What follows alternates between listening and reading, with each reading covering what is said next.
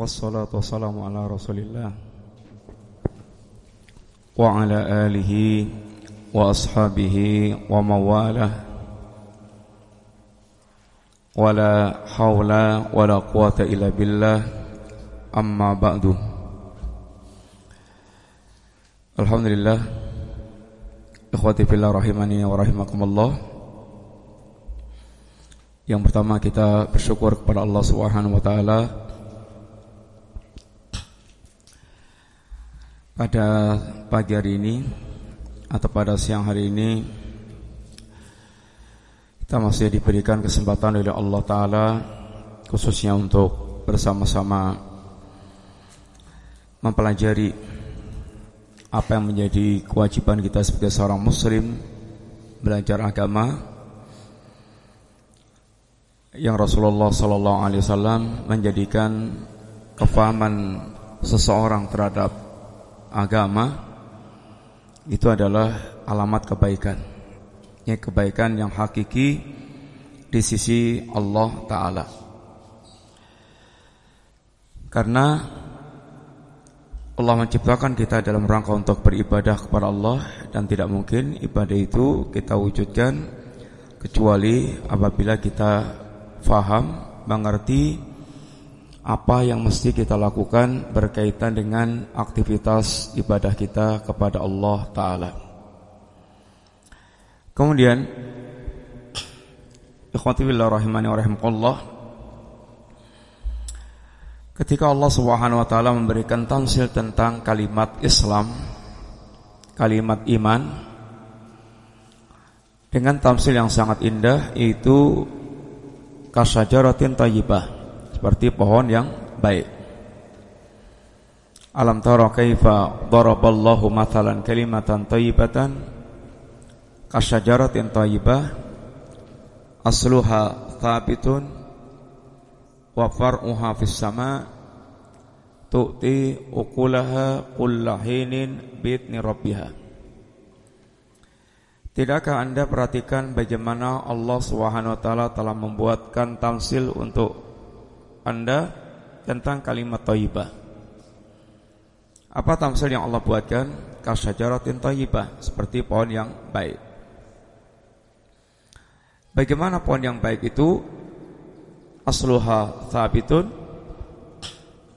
Akarnya kuat Kemudian Wafar muhafis sama Batang percabangannya menjulang tinggi Tukti ukulaha kullahinin bitni rabbiha yang pohon ini setiap saat mengeluarkan buah-buahannya dengan izin Rabbnya, dengan izin Allah Ta'ala. Ini adalah tamsil syajaratul iman. Ini pohon iman. Yang pohon itu Secara struktur ada bagian akar, ada bagian batang percabangan, ada bagian buah-buahan. Bagian akar walaupun tidak terlihat di atas tanah, tetapi ini sangat menentukan dengan semua apa yang tumbuh di atasnya. Batang, percabangan, buah-buahan itu sangat berkaitan dengan akar. Kalau akarnya bosok, maka pohon ini tentu akan rusak, tumbang. Dan bagusnya pohon ini sangat berkaitan dengan bagusnya akar. Kalau akarnya kuat, bagus, sehat, maka akan tumbuh batang percabangan yang juga bagus, kuat, menjulang. Dan lebatnya buah-buahan juga termasuk berkaitan dengan ini kekuatan akar dan juga perawatan terhadap pohon tersebut. Apa yang akan kita pelajari khotibillah adalah merupakan bagian akar yaitu akar itu ditempati posisinya oleh ini akidah. Kalau dalam agama kita ada akidah, ada ibadah, kemudian ada akhlak, muamalah. Akidah itu menempati pada posisi akar yang menentukan agama seseorang. akidahnya bagus, insya Allah batang percabangan buah-buahnya akan bagus. Akidahnya rusak, maka jaminan ini di atasnya akan rusak pula. Uh, akidah adalah berkaitan dengan semua yang berkaitan dengan keimanan. Akidah tentang Allah, akidah tentang yaumul akhir, akidah tentang ini arkanul iman yang terangkum dalam arkanul iman. Ini adalah menempati posisi akidah. Kemudian akan menumbuhkan berbagai macam al-a'malus salihat, yaitu amal-amal saleh. Amal-amal saleh baik, baik untuk ibadah secara khusus maupun amal kebaikan secara umum.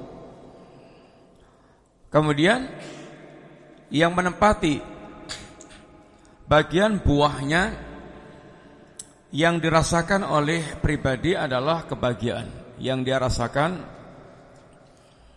dan yang dirasakan oleh manusia secara umum adalah akhlakul karimah. Apa yang kita pelajari yaitu al-qawaidul arba' Satu di antara silsilah pelajaran akidah khususnya bagi kita para pemula di mana pembahasan ini beliau ingin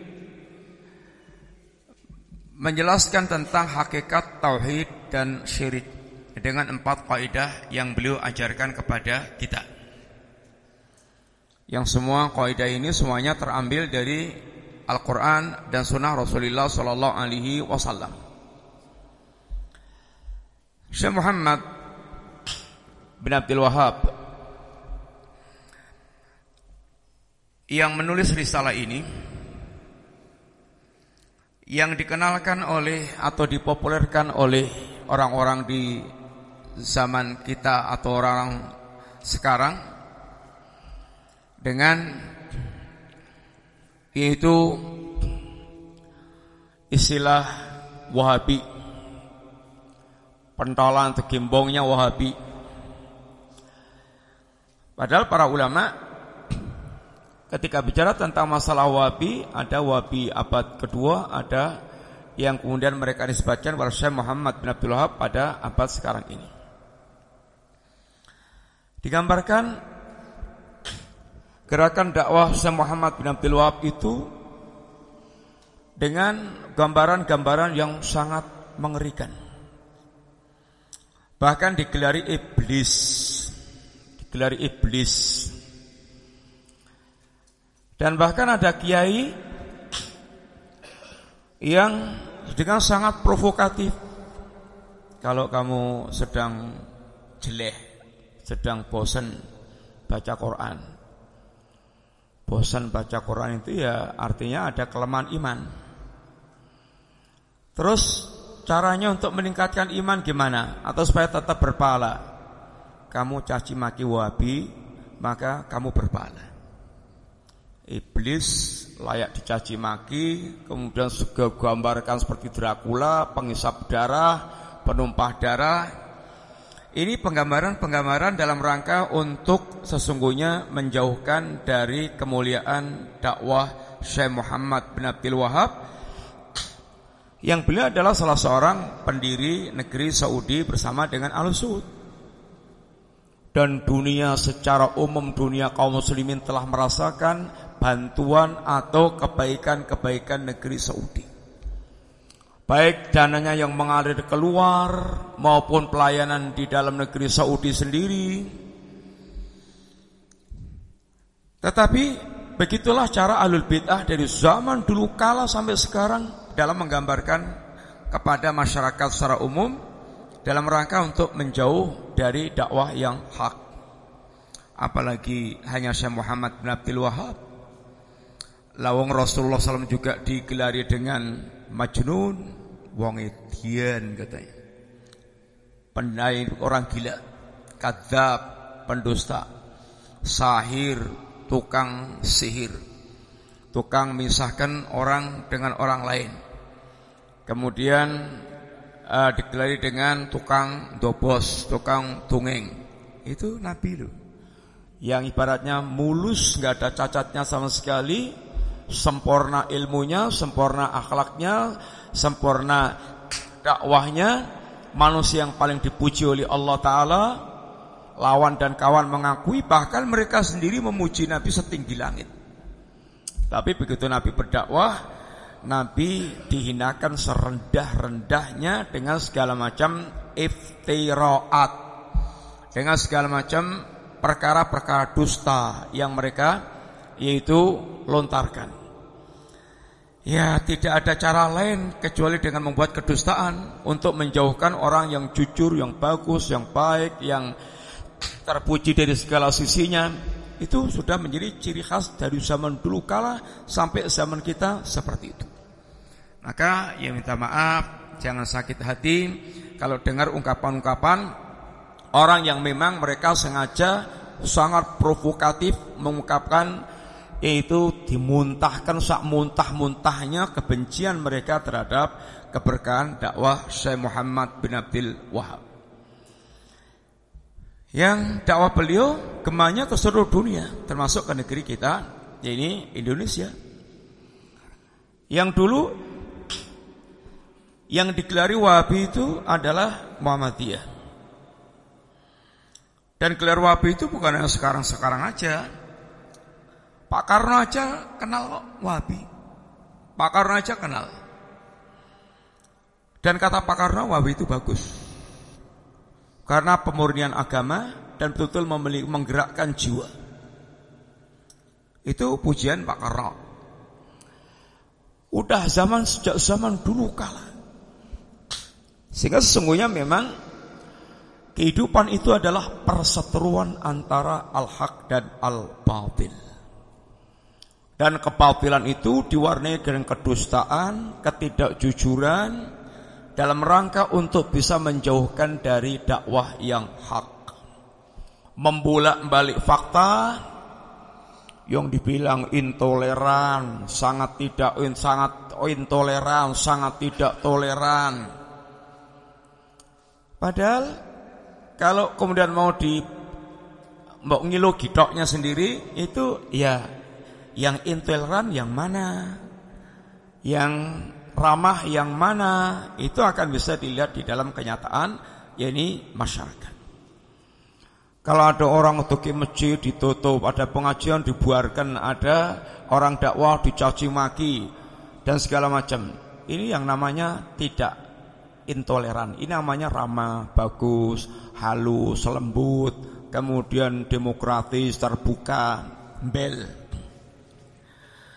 Ini adalah bahasa-bahasa yang ya mereka yaitu jadikan provokasi untuk masyarakat dalam rangka untuk ini membenci hakikat dakwah yang berkah, dakwah yang sangat bagus, dakwah rahmatan lil alamin, dakwah yang sebetulnya menyatukan manusia, dakwah yang itu membuat penguasa menjadi lebih nyaman, dakwah yang tidak menggerakkan yang tidak menggerakkan demo-demo, dakwah yang tidak mengajari kurang ajar, dakwah yang tidak mengajari dangdutan, kemudian cokean, kemudian mendeman, tapi dakwah yang sungguhnya mengajarkan ini akidah yang lurus dan akhlak yang mulia. Karena dakwah tauhid pasti arahnya ke situ. Adapun kalau soal menisbatkan saya pengikut Wahabi, kemudian dia brutal, ya itu banyak orang mengklaim kayak gitu. Orang mengklaim saya muslim, tapi dia adalah koruptor, pesina, pembunuh, pembantai, kemudian mulutnya kotor, ya banyak. Apa itu mau mencela Islamnya? Islam harus kembali dilihat kepada hakikat yaitu ajarannya. Maka yang penting kita harus mengetahui hakikat dakwah yang hak ini bagaimana mengajarkan kepada kita. Yang jelas Islam yang sesungguhnya adalah Islam rahmatan lil alamin. Islam yang memberikan rahmat bagi seluruh alam. Semua pihak mendapatkan rahmat dari Islam. Kalau soal keyakinan akidah ya memang nggak boleh geser seujung rambut pun nggak boleh. Rasulullah Wasallam bagaimana orang-orang Quraisy berusaha untuk menghentikan dakwah tauhid Nabi, tawarannya nggak tanggung-tanggung Muhammad mau jadi Mekah satu enggak? Muhammad kamu pengen jadi orang sugih paling bergedu enggak. Atau kamu pengen uh, cari wanita yang paling kamu sukai? Semuanya ditawarkan Nabi. Di antara jawaban Rasulullah SAW yang menunjukkan tentang sangat mantapnya Nabi dengan akidah tauhid dan akidah tauhid adalah segala-galanya. Lau wada'u syamsa fi yamini wal qamara fi shimali ala an atruka hadal hadal amra la atruku. Seandainya mereka itu mampu atau sanggup meletakkan matahari di tangan kananku dan bulan di tangan kiriku dalam rangka supaya aku menghentikan dakwah tauhid ini enggak akan aku hentikan sampai Allah hancurkan aku dengan dakwah ini atau Allah menangkan aku dengan dakwah ini. Ini kalau sudah urusan akidah, tauhid, keyakinan, ya nggak bisa untuk bergeser seujung rambut pun nggak bisa. Kalau antum tanya tentang muamalah dengan orang yang berbeda keyakinan, berbeda muamalah dengan manusia, maka tidak ada muamalah yang terbaik semisal yang diajarkan oleh Islam. Boro-boro bom, boro-boro dia beleh manusia, saja. Abab. Tahu abab ikhwan? Abab. Itu kalau ababnya itu ganggu orang kanan kirinya bereng-berengan bisa membuat semaput. Itu Nabi katakan man akala ini hadhil baqlah Barang siapa yang dia makan sayuran ini, sayur yang berbau, yang bisa membuat bau mulut itu bereng-berengan, Fala yaqrabanna masjidana. Jangan kamu dekat-dekat masjid kami. Jauh. Bahkan Nabi membuat sunnah atau mengajarkan sunnah. Kalau kumpul-kumpul itu sunnahnya ya wangi-wangian. Biar orang mencium bau wangi, enak, nyaman. Nah kalau soal abab saja itu sampai begitu Nabi memperhatikan dalam rangka memberikan rasa nyaman dan aman.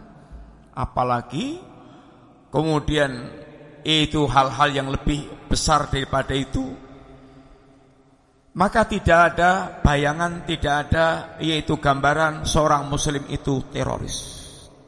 Lah nyatanya orang-orang yang kayak gituan atau orang yang gambarkan digembar-gemborkan terus, diiklankan terus, jenggotan congrangan teroris, jenggotan congrangan teroris, bojone cadaran teroris. Yaitu kepentingannya orang yang punya kepentingan. Di antaranya pertama mungkin orang itu bodoh, du du du du du, bodohnya itu nemen-nemen. Karena memang tidak belajar agama. Sehingga bodoh itu hanya ya elailu menjadi bebek membebek atau burung piu. Sehingga hanya mereka yamiluna ma'kulirihin mereka hanya condong ke mana arah angin itu bertiup. Sehingga hanya elailu aja. Ini karena kebodohan. Dan ini bahayanya kebodohan.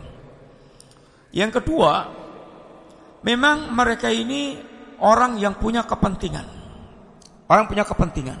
Entah kepentingan harta, jabatan, kedudukan, atau kepentingan yang lainnya.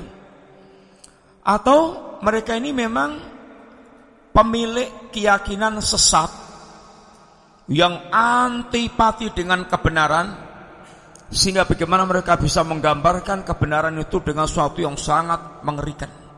Itu sudah sejak zaman dulu begitu cara mereka untuk menjauhkan dari dakwah yang hak ini. Bagaimana Nabi mengajarkan muslim itu la darara wa la dirara muslim itu tidak mengganggu tidak uh, muslim itu tidak melakukan hal yang akan bisa mengganggu baik mengganggunya itu dirinya maupun orang lain. Muslim itu tidak akan melakukan hal yang menimbulkan madarat marah bahaya baik marah bahaya itu berkaitan dengan dirinya maupun orang lain Islam sangat mengajarkan supaya manusia itu betul-betul bisa hidup dengan rasa manusiawinya hingga betul-betul berbahagia, bahagia yang hakiki dunia sama sampai akhirat. Ya sekalian, maka yang pertama kali seorang muslim dia wajib untuk faham tentang agamanya karena kebodohan itu ia menjadi sasaran empuk iblis untuk disesatkan dengan segala model bentuk penyesatan. Kemudian ikhwanibillah berkaitan dengan apa yang akan kita pelajari yaitu al-qawaidul arba mudah-mudahan selesai dalam waktu yang singkat ini beliau ingin mengajarkan dan memahamkan kepada kita tentang hakikat tauhid yang menjadi tujuan Allah menciptakan kita dan yang menjadi inti sari dakwah para nabi Allah alaihi wasalam. Risalah ini secara global terdiri dari mukadimah kemudian isi kandungannya mukadimah beliau berikan yaitu dua mukadimah penting untuk kita mukadimah dalam bentuk doa dan mukadimah dalam bentuk yaitu menjelaskan tentang hakikat milah Nabiullah Ibrahim. Kemudian beliau masuk baru masuk pada empat kaidah yang akan beliau ajarkan. Kaidah pertama berkaitan dengan hakikat tauhid, penjelasan tentang hakikat tauhid. Kaidah kedua berkaitan dengan hakikat syiriknya orang-orang musyrikin Quraisy. Hakikat ketiga, kaidah ketiga berkaitan dengan yaitu uh, bentuk-bentuk sesembahan orang-orang musyrikin. Yang ke kaidah yang keempat adalah perbandingan beliau membandingkan antara perilaku musyrikin zaman dulu, zaman Nabi dengan perilaku musyrikin zaman kita sekarang ini. Sehingga akan tergambar oleh kita ini hakikat tauhid yang mesti kita betul-betul ya ini fahmi. Karena salah dalam perkara tauhid itu dampaknya berbeda dengan salah dalam semua amal-amal yang lainnya. Salah dalam perkara tauhid ini bisa menjadikan Islamnya hilang. Dia terjerumus dalam syirik sehingga tidak ada manfaat kebaikan apa pun yang dia lakukan. Beda dengan kalau kesalahan itu menimpa pada amal-amal yang lain. Salah dalam salat, salah dalam puasa, salah dalam zakat, salah dalam haji. Dampaknya tidak sebagaimana dampaknya kalau dia salah di dalam masalah tauhid ini. Mari kita ikuti ini perkataan Syekh Muhammad bin Abdul Wahab rahimahullah taala dalam mengantarkan kita memahami hakikat tauhid. Beliau mengawali dengan bacaan basmalah Bismillahirrahmanirrahim. As'alullah al-karim Rabbal arshil azim ayyatawallaka fid dunya wal akhirah wa yaj'alaka mubarakan aynama kunta wa yaj'alaka mimman ida u'tiya syakara wa idza tuliya sabara wa idza aknaba istaghfara fa inna haula itsalath unwanus sa'adah ini adalah mukadimah beliau. Beliau mengatakan bismillahirrahmanirrahim. Ini kebiasaan para salaf ketika mereka membuat risalah maka mengawali dengan yeni basmalah. Dan mengawali dengan basmalah itu sendiri yang pertama iktidaan bi kitabillah dalam rangka untuk mencontoh kitabullah Al-Qur'an. Yang setiap suratnya diawali dengan basmalah kecuali surat At-Taubah. Yang kedua yaitu dalam rangka iktidaan bi Rasulullah sallam dalam rangka untuk meniru Rasulullah sallam yang beliau ketika menulis perjanjian diawali dengan basmalah, beliau mengirim surat-surat dakwah ke berbagai negeri diawali dengan basmalah, sehingga mengawali dengan basmalah di antaranya adalah dalam rangka untuk mencontoh Rasulullah SAW. Yang ketiga dalam rangka lil isti'anah untuk menunjukkan kefakiran kita bahwa kita adalah hamba yang fakir, yang total mutlak membutuhkan Allah dan kita tidak merasa dan kita senantiasa menghadirkan dalam diri kita perasaan bahwa kita ini tidak akan mungkin bisa melakukan apa pun kebaikan yang kita inginkan tanpa pertolongan Allah Ta'ala. Sehingga seorang hamba yang dia betul-betul memahami sifat dirinya sebagai seorang hamba yang fakir, dia akan menjadi orang yang senantiasa bergantung kepada Allah, bertawakal kepada Allah, kemudian meminta, kemudian memohon pertolongan kepada Allah. Ini yang terkandung dalam ini kalimat itu iyyaka nasta'in. Sehingga kalau suratul Fatihah itu adalah umul kitab, induknya kitab seluruh Al-Qur'an itu induknya adalah Al-Fatihah, intisari daripada, Al-Qur'anul Karim, maka Ayat iyyaka na'bud wa iyyaka nasta'in ini adalah intisari dari suratul Fatihah. Yang kita kehidupan kita ini satu untuk mewujudkan iyyaka na'bud. Kita untuk mewujudkan semata-mata kita hanya akan beribadah kepada Allah taala. Mau ya antum mau jadi presiden, mau jadi jenderal, konglomerat, mau jadi orang hebat seperti apa pun, harus Anda ingat kita adalah hamba yang berkewajiban untuk mewujudkan tauhid. Sehingga siapa pun kita, apa pun kita, kewajiban utama kita adalah mewujudkan tauhidullah. Sehingga semua yang kita miliki di perkara dunia adalah dalam rangka untuk mewujudkan hakikat penghambaan kita kepada Allah Ta'ala. Ini yang pertama. Ia karena sain itu adalah tekad atau penegasan kita, pengakuan kita tentang kesempurnaan Allah Subhanahu wa taala yang kemudian kita merasakan betul diri kita adalah fakir minal fuqara Lalu kita total mutlak membutuhkan Allah dalam semua upaya kita untuk mewujudkan ibadah.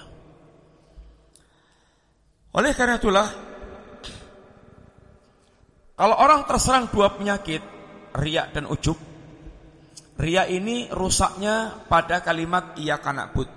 Yang rusak adalah iya kanakbud, sehingga dia bukan memurnikan ibadahnya kepada Allah, tapi kemudian dia bahkan memalingkan ibadah dia kepada selain Allah atau dia memalingkan niat-niat yang dia lakukan dari ibadah kepada Allah itu tapi niatnya bukan kepada Allah, niatnya kepada selain Allah Subhanahu wa taala. Ibadahnya salat, ibadahnya sedekah, ibadahnya adalah amal-amal ketaatan macam-macam. Tapi niatnya untuk cari pujian orang, untuk mendapatkan dunia yang dia inginkan sehingga dia memalingkan niat kepada selain Allah Subhanahu wa taala. Ini rusak dalam iyakana butnya. Kalau dia ujub ketika dia melakukan suatu kebaikan, melakukan suatu kemudian dia berhasil lalu dia ujub, dia bangga, dia seakan-akan adalah istimewa, memiliki kekuatan yang luar biasa, maka dia telah rusak ia karena stainnya. Dia lupa bahwa kemudian-kemudian yang dia lakukan itu semata-mata dari Allah Subhanahu wa taala. Bukan dari diri dia sendiri. Maka ia akan na'bud wa ia akan adalah perwujudan seorang muwahhid yang sejati, seorang hamba yang bertauhid yang sesungguhnya. Kemudian yang keempat alitabarruk mengucapkan kalimat basmalah itu dalam rangka untuk kita mencari berkah. Tabarruk ini tolabul barokah. Agar setiap apa yang kita lakukan betul-betul berkah. Menghasilkan kebaikan yang banyak, mengandung kebaikan yang banyak sehingga betul-betul diberkahi oleh Allah SWT kebaikan yang melahirkan kebaikan, kebaikan yang produktif untuk melahirkan kebaikan yang lainnya, kebaikan yang mendatangkan pahala yang sangat ini banyak itu adalah berkah. Ada keberkahan. Ini ketika mengucap kita mengucapkan ini Bismillahirrahmanirrahim atau kalimat basmalah. Dan tentang orian basmalah bisa dipelajari sendiri tentang ini pembahasan para ulama bab tentang basmalah. Kemudian beliau mengawali dengan doa. As'alallah al-kirim aku meminta kepada Allah Subhanahu wa taala Al-Karim, zat yang maha mulia. Rabbal Arsyil Azim, Rabbnya Aras yang agung. Ini di antaranya beliau mengajarkan pada kita kalau berdoa kepada Allah itu di antara adabnya adalah bertawasul dengan nama-nama dan sifat-sifat Allah sebagaimana Allah perintahkan walillahil asmaul husna fad'uuhu biha. Allah memiliki nama-nama yang indah maka berdoalah kalian kepada Allah dengan nama-nama yang indah tersebut. Atau beribadalah kepada Allah dengan nama-nama Allah yang indah tersebut sehingga kalau prakteknya doa nama-nama Allah itu di kita gunakan sebagai bentuk tawasul, berwasilah, bertawasul dengan asmaul husna. Bisa menyebutkan nama-nama Allah yang sesuai dengan apa yang kita minta. Contohnya ya Rasak, Rusukni, ya Ghaffar, Ighfirli. Kemudian uh, ya Rahman, Irhamni dan seterusnya. Yang sesuai dengan apa yang kita minta. Atau dia menyebutkan nama Allah bahkan secara keseluruhan. Allahumma inni as'aluka bi kulli ismin huwa lak sammaita bi nafsak aw 'allamta ahadan min khalqik aw ansalta fi kitabik aw awista'tharta fil imil ghaib indak ya Allah aku minta kepada engkau dengan semua nama yang engkau yang engkau namai dirimu dengan nama-nama itu nama yang engkau ajarkan kepada salah seorang di antara hambamu nama yang engkau turunkan dalam kitabmu, nama yang engkau simpan dalam ilmu gaibmu, sehingga dia sebutkan ya ini keumuman daripada nama-nama dan sifat Allah. As'alullah al-kirim. Aku minta kepada Allah yang dat yang maha mulia. Yaitu Rabbal Arsyil Azim, Rabbnya aras yang sangat agung. Makhluk Allah yang terbesar adalah ars. Makhluk Allah yang terbesar adalah itu ars. Yang ars ini disangka oleh berapa malaikat ya kawan? Delapan. Tapi jangan antum bayangkan delapan kayak antum kecil-kecil. Daun telinganya malaikat sampai pundaknya itu jaraknya itu ditempuh dalam yaitu ribuan tahun. Bagaimana besarnya malaikat para eh, para malaikat penyangga yaitu ars dan itu merupakan bagian kekuasaan Allah taala. Makhluk yang yang paling besar adalah ars. Dan ini namanya saya mengajarkan para kita ini bertawasul dengan nama-nama atau sifat Allah taala. Dan itu adalah masyru' bertawasul itu dengan amal soleh, dengan asma Allah husna atau dengan amal yang dia miliki amal saleh dalam rangka untuk mendekatkan diri kepada Allah Subhanahu wa taala. Kemudian isi kandungan doa beliau kandungan doanya Masya Allah sangat hebat-hebat, sangat luar biasa. Satu, ayyatawallaka fid dunya wal akhirah. Semoga Anda termasuk di antara wali-wali Allah termasuk orang-orang yang Allah yaitu memberikan perawaliannya kepada Anda melindungi Anda, membimbing Anda di dunia dan di akhirat. Yang pertama kita didoakan oleh Allah oleh beliau menjadi wali-wali Allah taala. Dan ketiga seorang ulama beliau suka mendoakan kepada para mad'uwinnya, kepada para mad'unya maka ini menunjukkan tentang kelembutan seorang dai. Kelembutan seorang dai. Dan rasa sayangnya seorang dai kepada mad'unya. Dan seharusnya begitulah perwatakan sifat yang harus dimiliki oleh seorang dai. Karena dai itu ibaratnya adalah seorang dokter yang merawat pasien sehingga di antara sifat yang mesti dimiliki adalah bagaimana berias dengan sifat rahmah, sifat kasih sayang, sifat rifki, sifat kelembutan. Itu adalah sifat yang diajarkan Nabi. Apalagi berkaitan dengan ini seorang dai yang berdakwah, mendakwakan agama.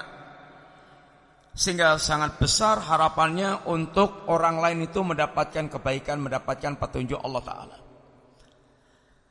Dan itulah Rasulullah sallallahu alaihi wasallam harisun alikum bil mu'minin ari'a harisun alikum Nabi itu sangat amat besar keinginannya seandainya kalian semuanya mendapatkan petunjuk Allah taala. Sangat besar keinginannya. Seandainya setiap kita, setiap manusia mendapatkan petunjuk Allah taala.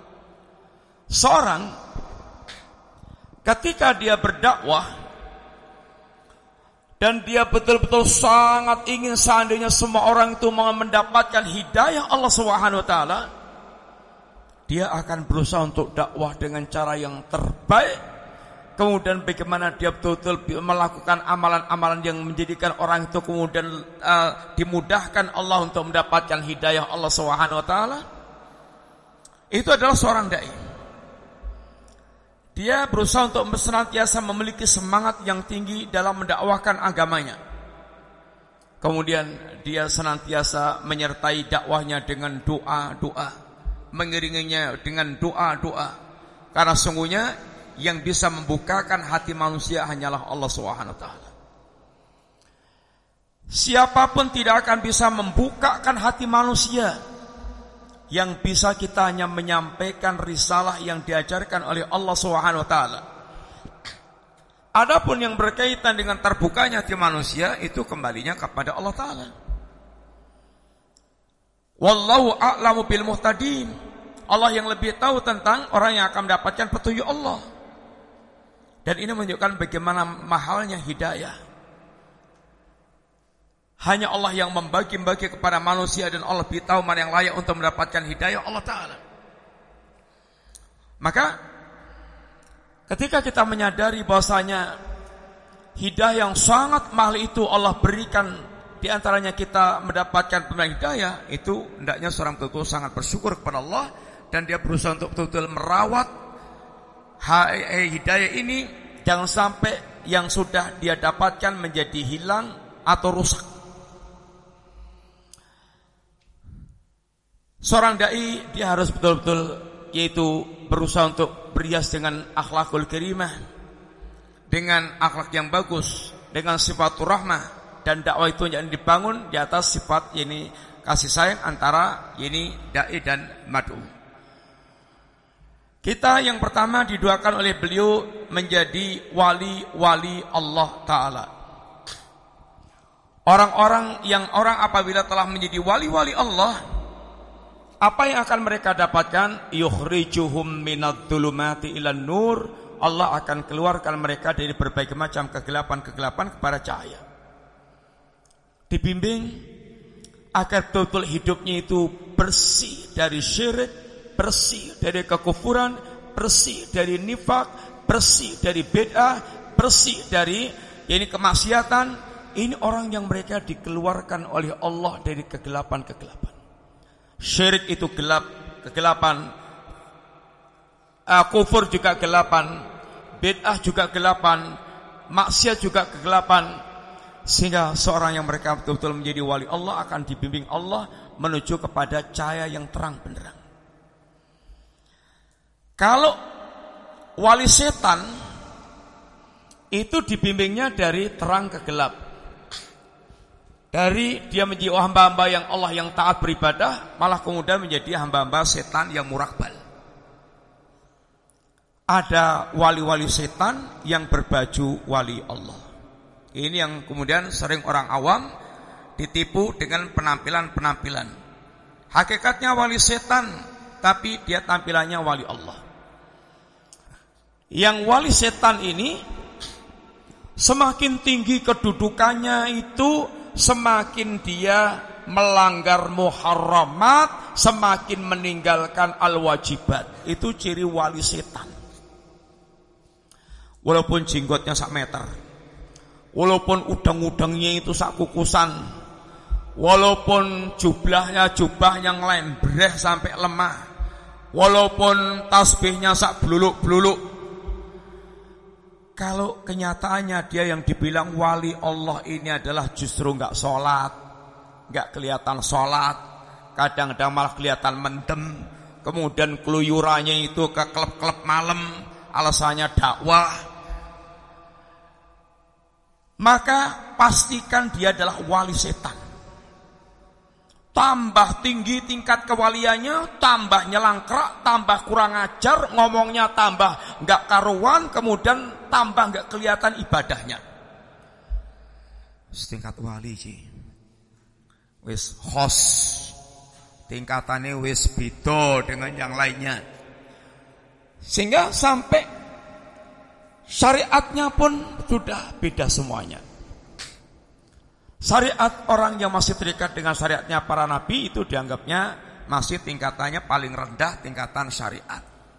Dikirnya masih la ilaha illallah. Tapi kalau sudah mulai naik naik naik, sudah mulai sholatnya nggak perlu lagi, sudah mulai melakukan atau minum yang haram dan semisalnya. Tapi orang tidak bisa menilai karena tidak bisa menilai wali kecuali wali. Dan kemudian digambarkan sedemikian rupa berkaitan dengan gambaran tentang wali ini yang semakin lama semakin dodro, semakin kurang ajar, semakin gak kelihatan beragama, semakin gak menampakkan ketakwaan kepada Allah Ta'ala. Malah alasannya lagi untuk tidak terikat dengan syariat, melepaskan syariat, ilmu kuwi wis langsung so Gusti Allah. Oh, ora perlu maneh nganggo Quran Sunnah. Akhbarani qalbi an rabbi. Hatiku menghabarkan kepadaku Yang hatiku langsung dapat dari Allah Ta'ala. Sehingga sudah nggak perlu lagi belajar Quran dan Sunnah nggak perlu lagi terikat dengan Quran dan Sunnah Dia sudah sekarang ilmunya langsung dari Allah Ta'ala. Itu yang mereka bilang dengan istilah ilmu laduni.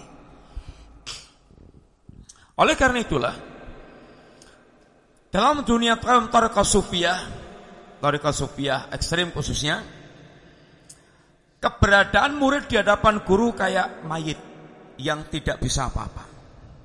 Sehingga aib besar kalau sampai dia ngudek-udek guru tanya-tanya dalil segala macam itu adalah aib besar. Manut. Sehingga tidak akan pernah mereka disibukkan dengan Quran dan Sunnah karena memang arahnya bukan untuk menghidupkan Quran dan Sunnah. Tapi lebih kepada ajaran-ajaran syaitan yang mereka uh, anggap sebagai wahyu dari Allah. Yang sungguhnya mereka adalah mendapatkan wahyu dari syaitan. Wa inna syayatina layuhuna ila awliyaihim liyujadilukum. Para syaitan itu ini mendapatkan memberikan wahyu kepada para wali-walinya untuk membantah kalian. Oleh karena itulah kalau definisi para ulama dalam menggambarkan para wali Wali itu seperti yang disebutkan dalam Al-Quranul Karim Alladzina amanu wa kanu yattaqun. Mereka yang beriman kepada Allah dan yang bertakwa. Ini wali. Artinya semakin tinggi tingkat kewaliannya Semakin tinggi tingkat keimanannya Semakin tinggi tingkat kewaliannya Semakin tinggi tingkat ketakwaannya sehingga kalau orang awam atau orang umum yang belum yang agamanya masih biasa-biasa kalau sholat itu telat-telat-telat terus wali ini mesti sop yang pertama berusaha untuk paling pertama itu adalah tingkatan wali. Bukan wali malah hilang. Nanti Pak Kiai rakyat Tang Pak Kiai ketinggalan. Oh salat ke Mekah cilik.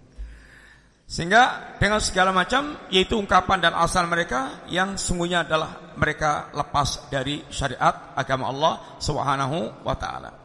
Sehingga semakin tinggi tingkatannya itu semakin kufur dan syirik. Kufur dan syirik. Tapi kalau wali Allah semakin tinggi tingkatannya semakin iman dan takwa kepada Allah Subhanahu wa taala. Kemudian yang kedua, doa Syekh Wa yaj'allah kamu barokan aina makunta. Mudah-mudahan Anda senantiasa berkah di mana pun Anda berada.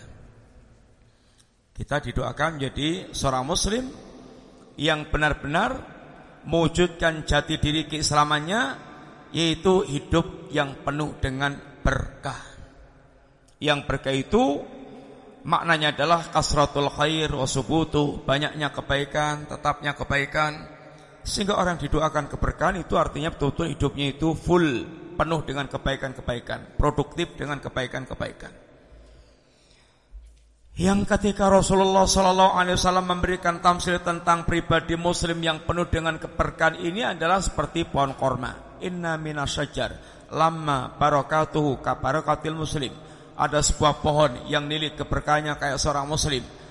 Yang pohon itu dikatakan oleh ini Nabi Mathalul Mukmin Mathalul Nakhlah perumpamaan seorang mukmin kayak pohon korma yang pohon korma itu bagaimana? Ma'akhatta minha min syai' nafa'aka. Apa pun yang Anda ambil dari pohon korma itu serba memberikan manfaat. Serba memberikan manfaat. Kita seorang muslim diajarkan begitu. Prinsip seorang muslim itu berbuat baik selalu dan jangan pernah mengganggu atau mentolimi. Itu yang diajarkan oleh agama kita. Waf'alul khaira la'allakum tuflihun. Berbuat baiklah kalian agar kalian beruntung. Keberuntungan itu hanya pada atau hanya bersama dengan berbuat baik. Berbuat baik kepada Allah, berbuat baik kepada para hamba Allah dan ketika Islam mengajarkan berbuat baik cita-citanya itu bagaimana melakukan kebaikan yang paling baik. Itu yang namanya ihsan. Targetnya bisa melakukan kebaikan yang paling baik. Memberi itu ya bertingkat-tingkat. Memberi tahu arti gua yang sampah diberikan ya namanya memberi. Memberi barang bekas ya namanya memberi. Memberi satu rupiah ya namanya memberi Memberi itu juga kualitasnya bertingkat-tingkat. Kita diajarkan oleh Nabi bagaimana bisa melakukan kebaikan yang nilai kebaikannya itu paling tinggi. Itulah yang namanya ihsan. Paling berkualitas. Karena soal keurusannya waktu dia memberi itu bukan lagi untungnya orang yang diberi. Bukan lagi soal melihatnya itu oh enak no sing digai tinggal nompo Bukan itu lagi yang dia lihat. Yang dia lihat itu adalah keuntungan orang yang memberi dengan pemberiannya itu. Dengan dia memberi itu artinya dia bersyukur kepada Allah Subhanahu wa taala atas nikmat yang Allah berikan kepada dia yang Allah katakan la in syakartum la azidannakum. Kalau dia mau bersyukur kepada Allah, Allah akan tambah. Memberi itu artinya dia menitipkan barang kepada Allah Subhanahu wa taala untuk dikembang-kembangkan oleh Allah menjadi berlipat-lipat. Memberi itu artinya dia membeli saham untuk betul-betul bisa menjadikan hidup itu bahagia dengan penuh kelapangan dada. Ketika Nabi SAW memberikan tamsil tentang orang yang dermawan, itu kayak orang yang pakai jubah besi yang sampai menutupi bagian-bagian atasnya.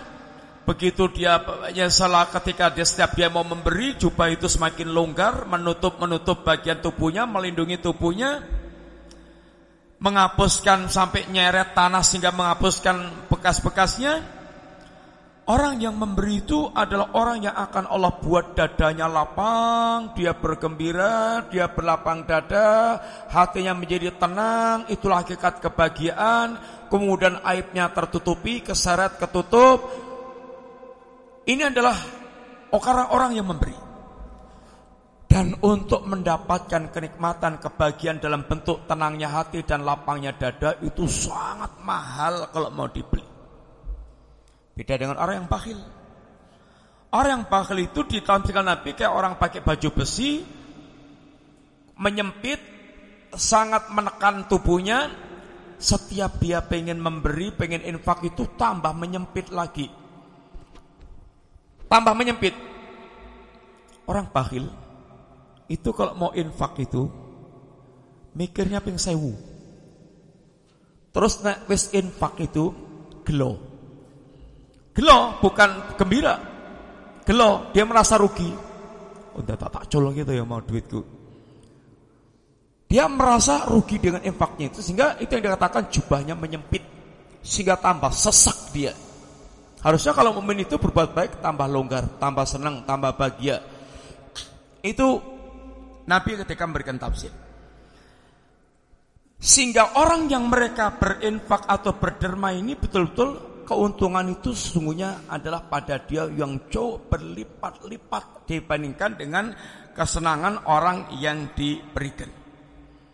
Ini adalah ini seorang yang mereka yaitu betul-betul hidupnya penuh dengan berkah, penuh dengan kebaikan sehingga semuanya dalam dirinya, ilmunya, hartanya, waktunya, tenaganya, kemudian jabatannya itu akan betul-betul berkah menghasilkan kebaikan yang sangat banyak.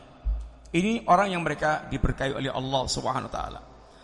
Kemudian wa ja'alaka Mimman idza utiya syakara wa idza tuliya sabara wa idza atnaba istaghfara dan semoga Anda menjadi orang-orang yang kalau diberi bersyukur, diuji bersabar, di tergelincir dalam dosa dia beristighfar. Fa inna haula ini semuanya adalah uh, merupakan pilar-pilar kebahagiaan. Kebahagiaan ikhwan apa itu? Kata para ulama, kebahagiaan adalah itmi'nanul qalbi wang sirahu sadri. Kebahagiaan itu lapangnya dada dan tenangnya hati. Tenangnya hati dan lapangnya dada. Itulah hakikat orang yang bahagia. Dalam segala suasana, situasi, kondisi kalau dia bisa seperti ini hatinya tetap tenang dan berlapang dada, itulah hakikat orang yang berbahagia. Secara umum, Kebahagiaan seperti ini hanya akan didapatkan dengan cara dia meniti jalan Allah. Meniti jalan Allah. Yaitu mengikuti Islam. Berjalan di atas jalan hidayah. Yang Allah di antara mengatakan mayuritillahu ayahdiyahu yasroh sodrahu lil Islam. Barang siapa yang Allah kendaki ini kebaikan bagi hidayah uh, hidayah baginya. Pada siapa Allah kendaki dia menjadi orang yang mendapatkan hidayah Allah, Allah akan lapangkan dadanya untuk Islam. Artinya kelapangan dada itu hanya akan didapatkan dengan cara dia berjalan di atas jalan Islam. Fa imma ya'tiyanakum mini huda famanittaba hudaya fala yadhillu wala yashqa apabila telah datang petunjuk dariku barang siapa yang dia mengikuti petunjukku maka dia tidak akan sesat tidak akan celaka. Tapi sebaliknya waman a'radha an dzikri fa innalahu ma'isyatan dhanka barang siapa yang dia berpaling dari petunjukku maka baginya kehidupan yang sempit. Kesempitan itu bersama dengan kesesatan dan kelapangan dada itu bersama dengan berjalan di atas hidayah. Itu asalnya globalnya itu. Tapi jika kemudian juga dirinci di antara alamat orang itu dia betul-betul mendapatkan kebahagiaan yang hakiki dari Allah Subhanahu wa taala. Satu, kalau dia diberikan Allah bersyukur. Apa kira-kira ikhwan antara hubungan hubungan antara syukur dengan uh, kebahagiaan apa kira-kira? Silakan jelaskan. Silakan yang mau jelaskan.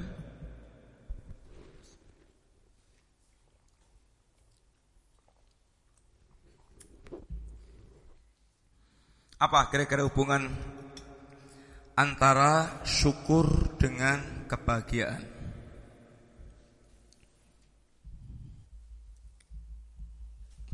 Siapa yang menjawab, Ikhwan? Hah? Ini. Oh ya, ada hadiahnya. Silakan. Iya.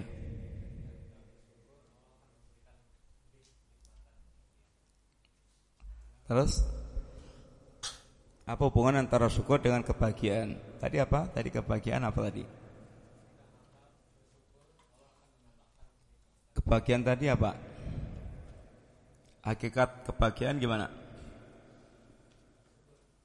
Syukur.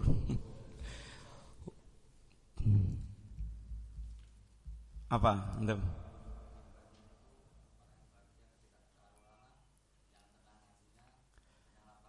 Terus hubungan antara syukur dengan kebahagiaan apa? Ada nggak hubungannya? Ada nggak hubungan antara syukur dengan kebahagiaan? Ada. Gimana hubungannya? Baik-baik saja.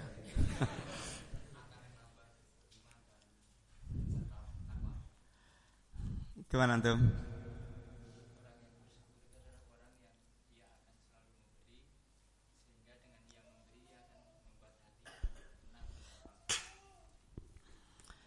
Ya orang yang bersyukur Satu Apa sih rukun syukur itu apa itu Ikhwan? Rukun syukur ada Tiga. Satu Menisbatkan nikmat kepada Allah Ta'ala. Mengakui bahwasanya nikmat itu Adalah datang dari Allah. Kedua Lesannya mengucapkan kalimat-kalimat syukur. Alhamdulillah Menisbatkan kepada Allah. Yang ketiga dia gunakan uh, nikmat itu dalam rangka untuk mentaati Allah Subhanahu wa taala. Syukur itu kaitannya dengan Allah tadi di antaranya adalah dia menjadikan nikmat itu untuk mentaati Allah taala. Dan orang yang taat itu tenang. Gak ada orang taat gelisah, gak ada. Kalau maksiat itu menggelisahkan hati. Maksiat menggelisahkan hati. Orang mau maling, Mati hatinya gelisah. Cingak lingu, cingak lingu. Ada orang enggak yang kira-kira mengurangi dia? Ada enggak CCTV? Ada enggak? Ada enggak? Ada enggak? Mati dia teratapan terus dan kemudian celingak celingu, kemudian gelisah itu maksiat. Maksiat jenis apa pun. Maksiat jenis apa pun itu pasti akan mewariskan kegelisahan, kegundahan. Antum para suami umpamanya mau selingkuh, ya mesti HP aja disimpan perimpan jangan sampai dibuka-buka sama orang apalagi istrinya. Kemudian untuk maksiat itu dirancang sedemikian rupa gimana caranya supaya maksiatnya ketutupan. Kemudian habis maksiat juga begitu bagaimana supaya tidak konangan pokoknya gelisah. Serba ada kegelisahan kegelisahan kegelisahan kegelisahan. Itu maksiat semuanya mewariskan kegelisahan. Sehingga tidak ada ceritanya ahli maksiat bahagia itu enggak ada. Walaupun sukses. Sukses bermaksiat. Ya kalau dia pelacur jualannya laris sewengi so sepuluh umpamanya. Grosir. Kemudian uh, mendem sukses, judi sukses, apa sukses. Tapi enggak ada ceritanya orang maksiat itu bahagia, enggak ada. Yang akan mewariskan kebahagiaan hakiki adalah ketaatan. Yang membuat dadanya lapang itu adalah ketaatan. Orang yang mereka dekat dengan Allah, taat kepada Allah, itu pasti dadanya lapang, termasuk lapang itu pemaaf. Gak gampang nesu, gak gampang dia marah, gak gampang tersinggung. Karena orang yang bersyukur kepada Allah pasti dia pemaaf.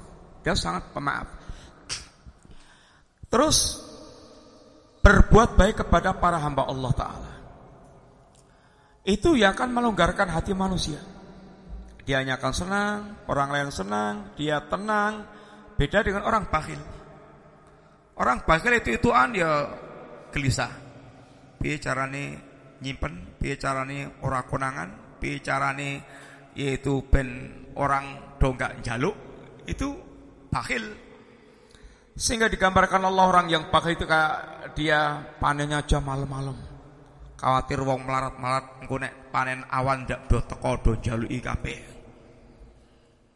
Tahu-tahu dia panennya yaitu pengennya malam, Allah sudah datangkan duluan yaitu api yang membakar yang menghancurkan semua tanamannya sehingga dia menjadi ngaplu.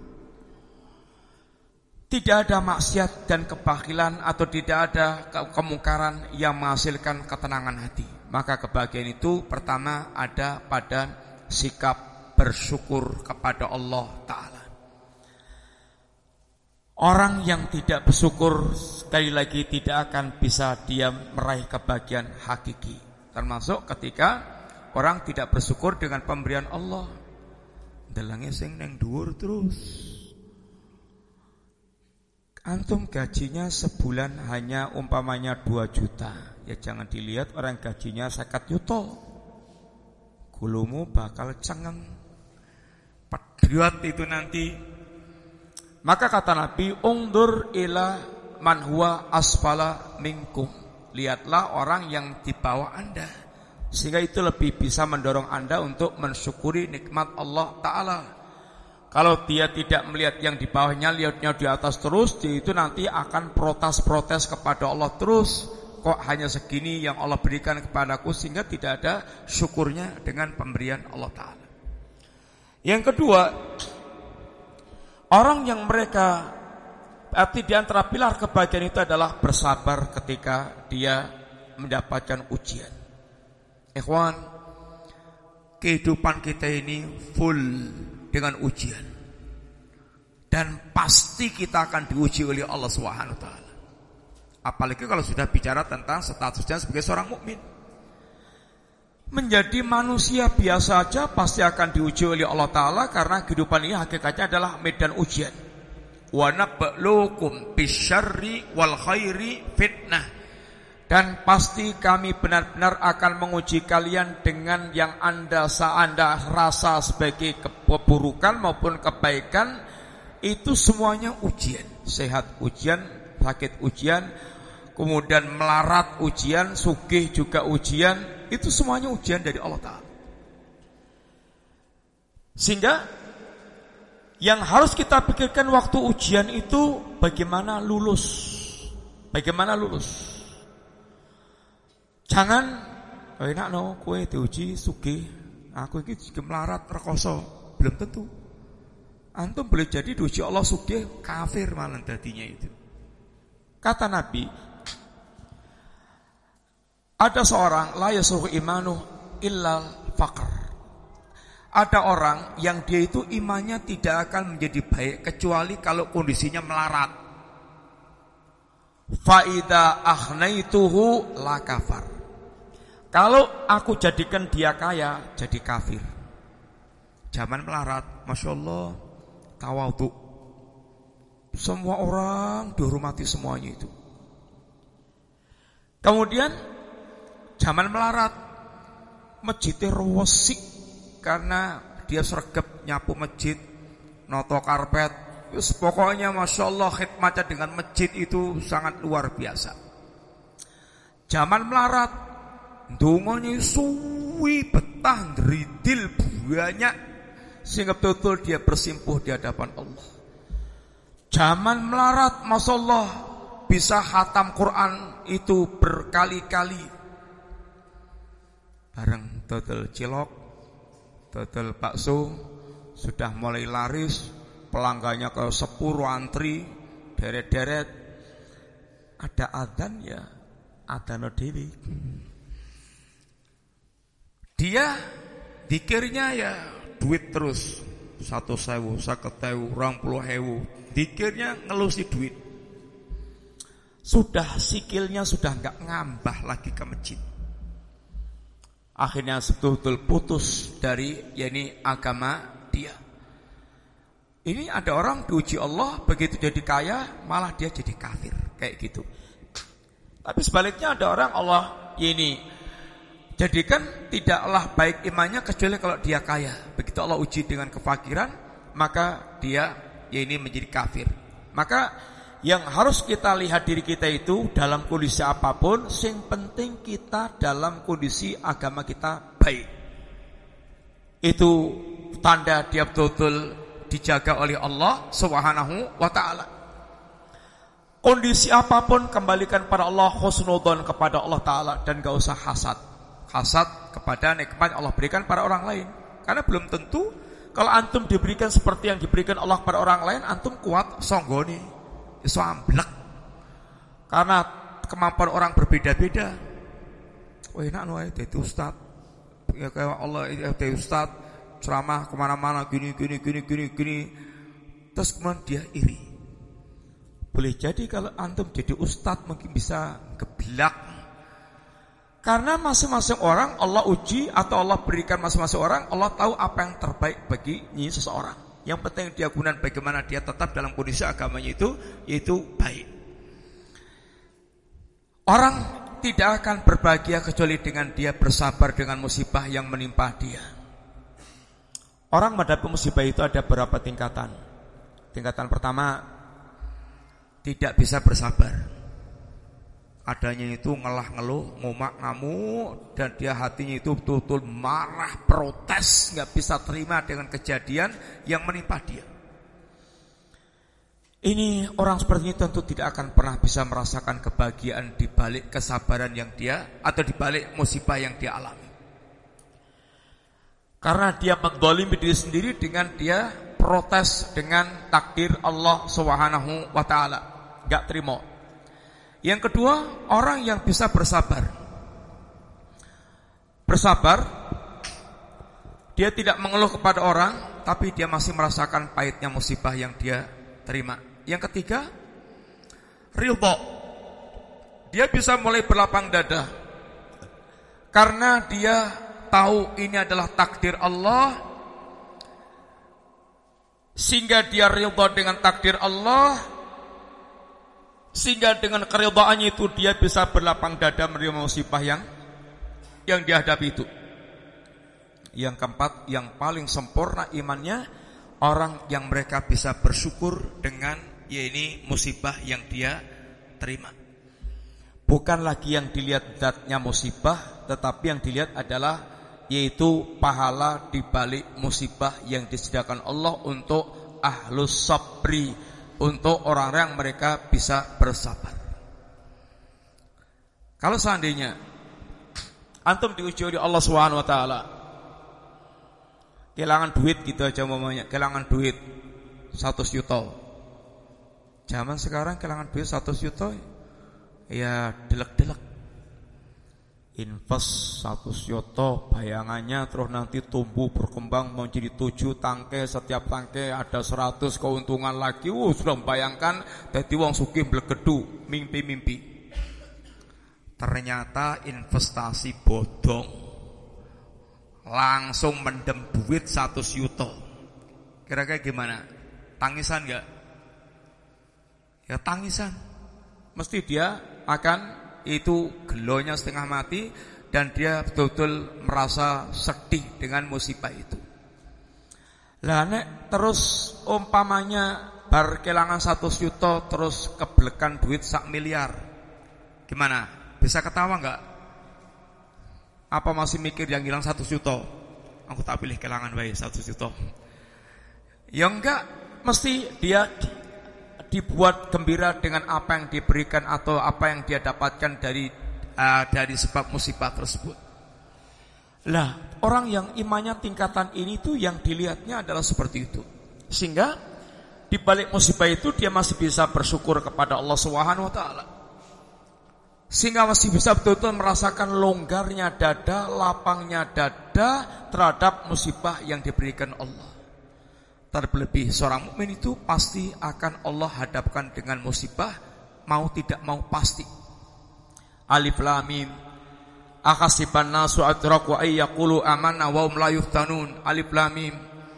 Apakah manusia menyangka bahwa dia akan dibiarkan begitu saja mengatakan kami beriman tanpa diuji oleh Allah taala?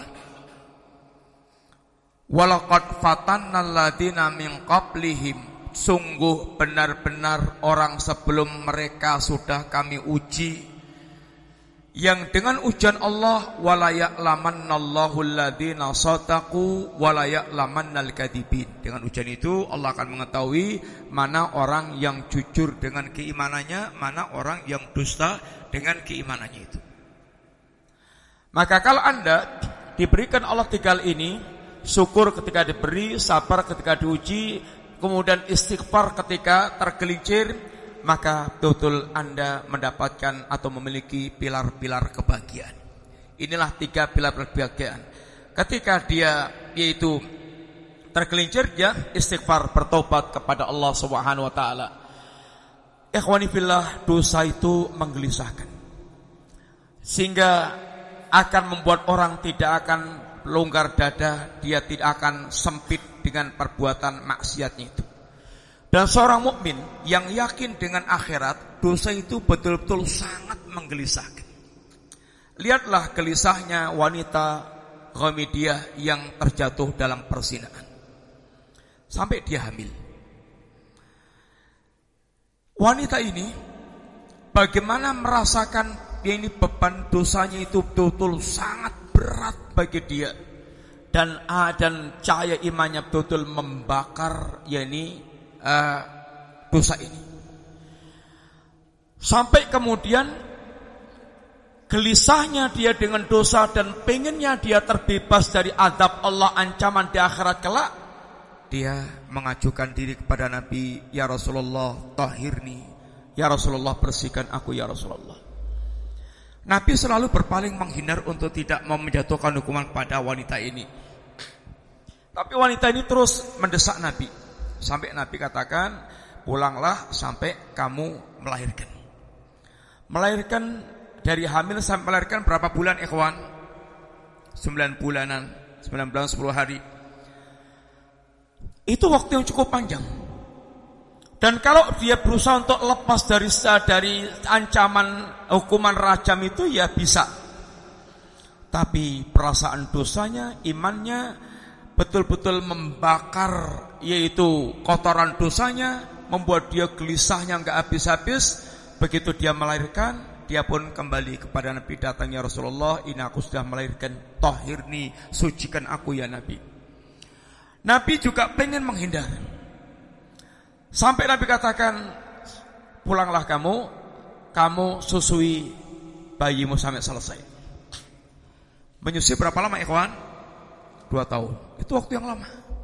Ternyata waktu dua tahun bagi wanita ini belum menyurutkan nyala ini imannya sehingga imannya tetap membakar perasaan dosanya sampai dia kemudian kembali lagi kepada Nabi dengan membawa anaknya yang sudah bisa mandiri. Ya Rasulullah tahirni perhatikan bagaimana seorang mukmin dengan imannya itu ketika dia tergelincir dalam perbuatan dosa dia tidak akan betul merasa lepas tidak betul-betul merasa longgar doa hatinya sampai dia betul-betul merasa dosanya diampunkan oleh Allah Taala. Ini sehingga kalau orang itu dia memiliki tiga pilar ini, uh, yaitu bersyukur ketika dia diberi nikmat, bersabar ketika dia diuji, ketika diuji, er, istighfar ketika dia tergelincir dalam dosa dan maksiat, ini betul dia telah memiliki pilar-pilar kebahagiaan dalam kehidupannya. Selanjutnya Beliau mengatakan, "I'lam arsyadakallah." Ketahuilah yang semoga Anda senantiasa dalam bimbingan Allah Subhanahu wa taala li taati untuk senantiasa taat kepada Allah Subhanahu wa taala. I'lam arsyadakallah ini juga merupakan bentuk yaitu doa yang diberikan oleh Syekh kepada yakni uh, kita semuanya. Apa doa Syekh? Doa memintakan kepada kita agar senantiasa dalam ketaatan kepada Allah alias dalam uh, ini uh, sikap istiqamah di atas agama Allah Subhanahu wa taala. Agar benar-benar seorang dia betul-betul didoakan istiqamah di atas siratal mustaqim. Ikhwan, di zaman kita ini istiqamah itu sangat berat. Sangat berat. Jalan yang menggelincirkan sangat banyak. Jalan yang menggelincir sangat banyak. Maka untuk istiqamah itu sangat berat. Sampai ada seorang ulama mengatakan, saya tidak heran kenapa orang itu tergelincir. Kenapa nggak heran? Karena memang faktor-faktor yang membuat orang tergelincir itu sangat banyak banget. Kalau lewat jalan yang licin, lunyu, sangat menggelincirkan, lalu ada orang tergelincir, itu wajar. Tapi yang aku heran adalah orang yang mereka sampai bisa selamat. Kenapa kok sampai selamat? Artinya dia memiliki kekuatan yang hebat, betul-betul bisa sampai bisa selamat dari hal-hal yang banyak menggelincirkan dalam yakni kehidupannya. Maka ketika kita didoakan untuk istiqamah itu doa yang sangat besar. Di antara faktor-faktor istiqamah itu satu jangan pernah berpisah dari ilmu syar'i. Jangan pernah berpisah dari ilmu agama ini. Jangan pernah berpisah dari majelis-majelis ilmu. Karena ilmu ini adalah roh keimanan kita Kemudian ilmu ini adalah cahaya penerang kehidupan kita dan ilmu ini adalah air yang bisa menyegarkan pohon iman kita. Yang kedua, jangan pernah berpisah dari komunitas teman-teman yang saleh, teman-teman yang saleh. As-sahib sahib, teman itu menyeret, menuntun. Kalau nggak nuntun ke surga, nuntun ke neraka. Maka teliti betul siapa yang akan anda jadikan sebagai teman. Teman yang saleh itu teman yang baik itu bagaimana? Ya ini uh, dia akilan, uh, dia musliman, akilan, husnul khuluq, walal mubtadi, wala haris ala dunia. Teman yang baik itu satu, dia adalah muslim. Kemudian akil berakal, bukan orang yang bloon, bodoh, kadang musuh yang berakal lebih baik bagi kita daripada teman yang bloon. Kemudian yang ketiga uh, yaitu akhlaknya bagus. Akhlaknya bagus. Yang keempat bukan tadi, bukan alul bidah. Yang kelima bukan orang yang rakus dengan urusan dunia. Ini adalah standar teman yang baik. Jadikan mereka adalah teman uh, sehingga akan bisa ta'awun alal birri wa taqwa dalam kehidupan kita. Yang ketiga, jangan lupa banyak-banyak doa kepada Allah Subhanahu wa taala. Khususnya doa yang Nabi tuntunkan Allahumma ya muqallibal qulub tsabbit qalbi ala dinik wa yang membolak-balikkan hati uh, kokohkan hatiku di atas agamamu. Ini adalah faktor yang akan membuat seorang dia istiqamah. Istirahat dulu ikhwan, mudah-mudahan uh, manfaat. Kita istirahat dulu. Insyaallah pada istirahat kita kembali lagi. Wassalamualaikum warahmatullahi wabarakatuh. Tadi antum yang jawab tadi.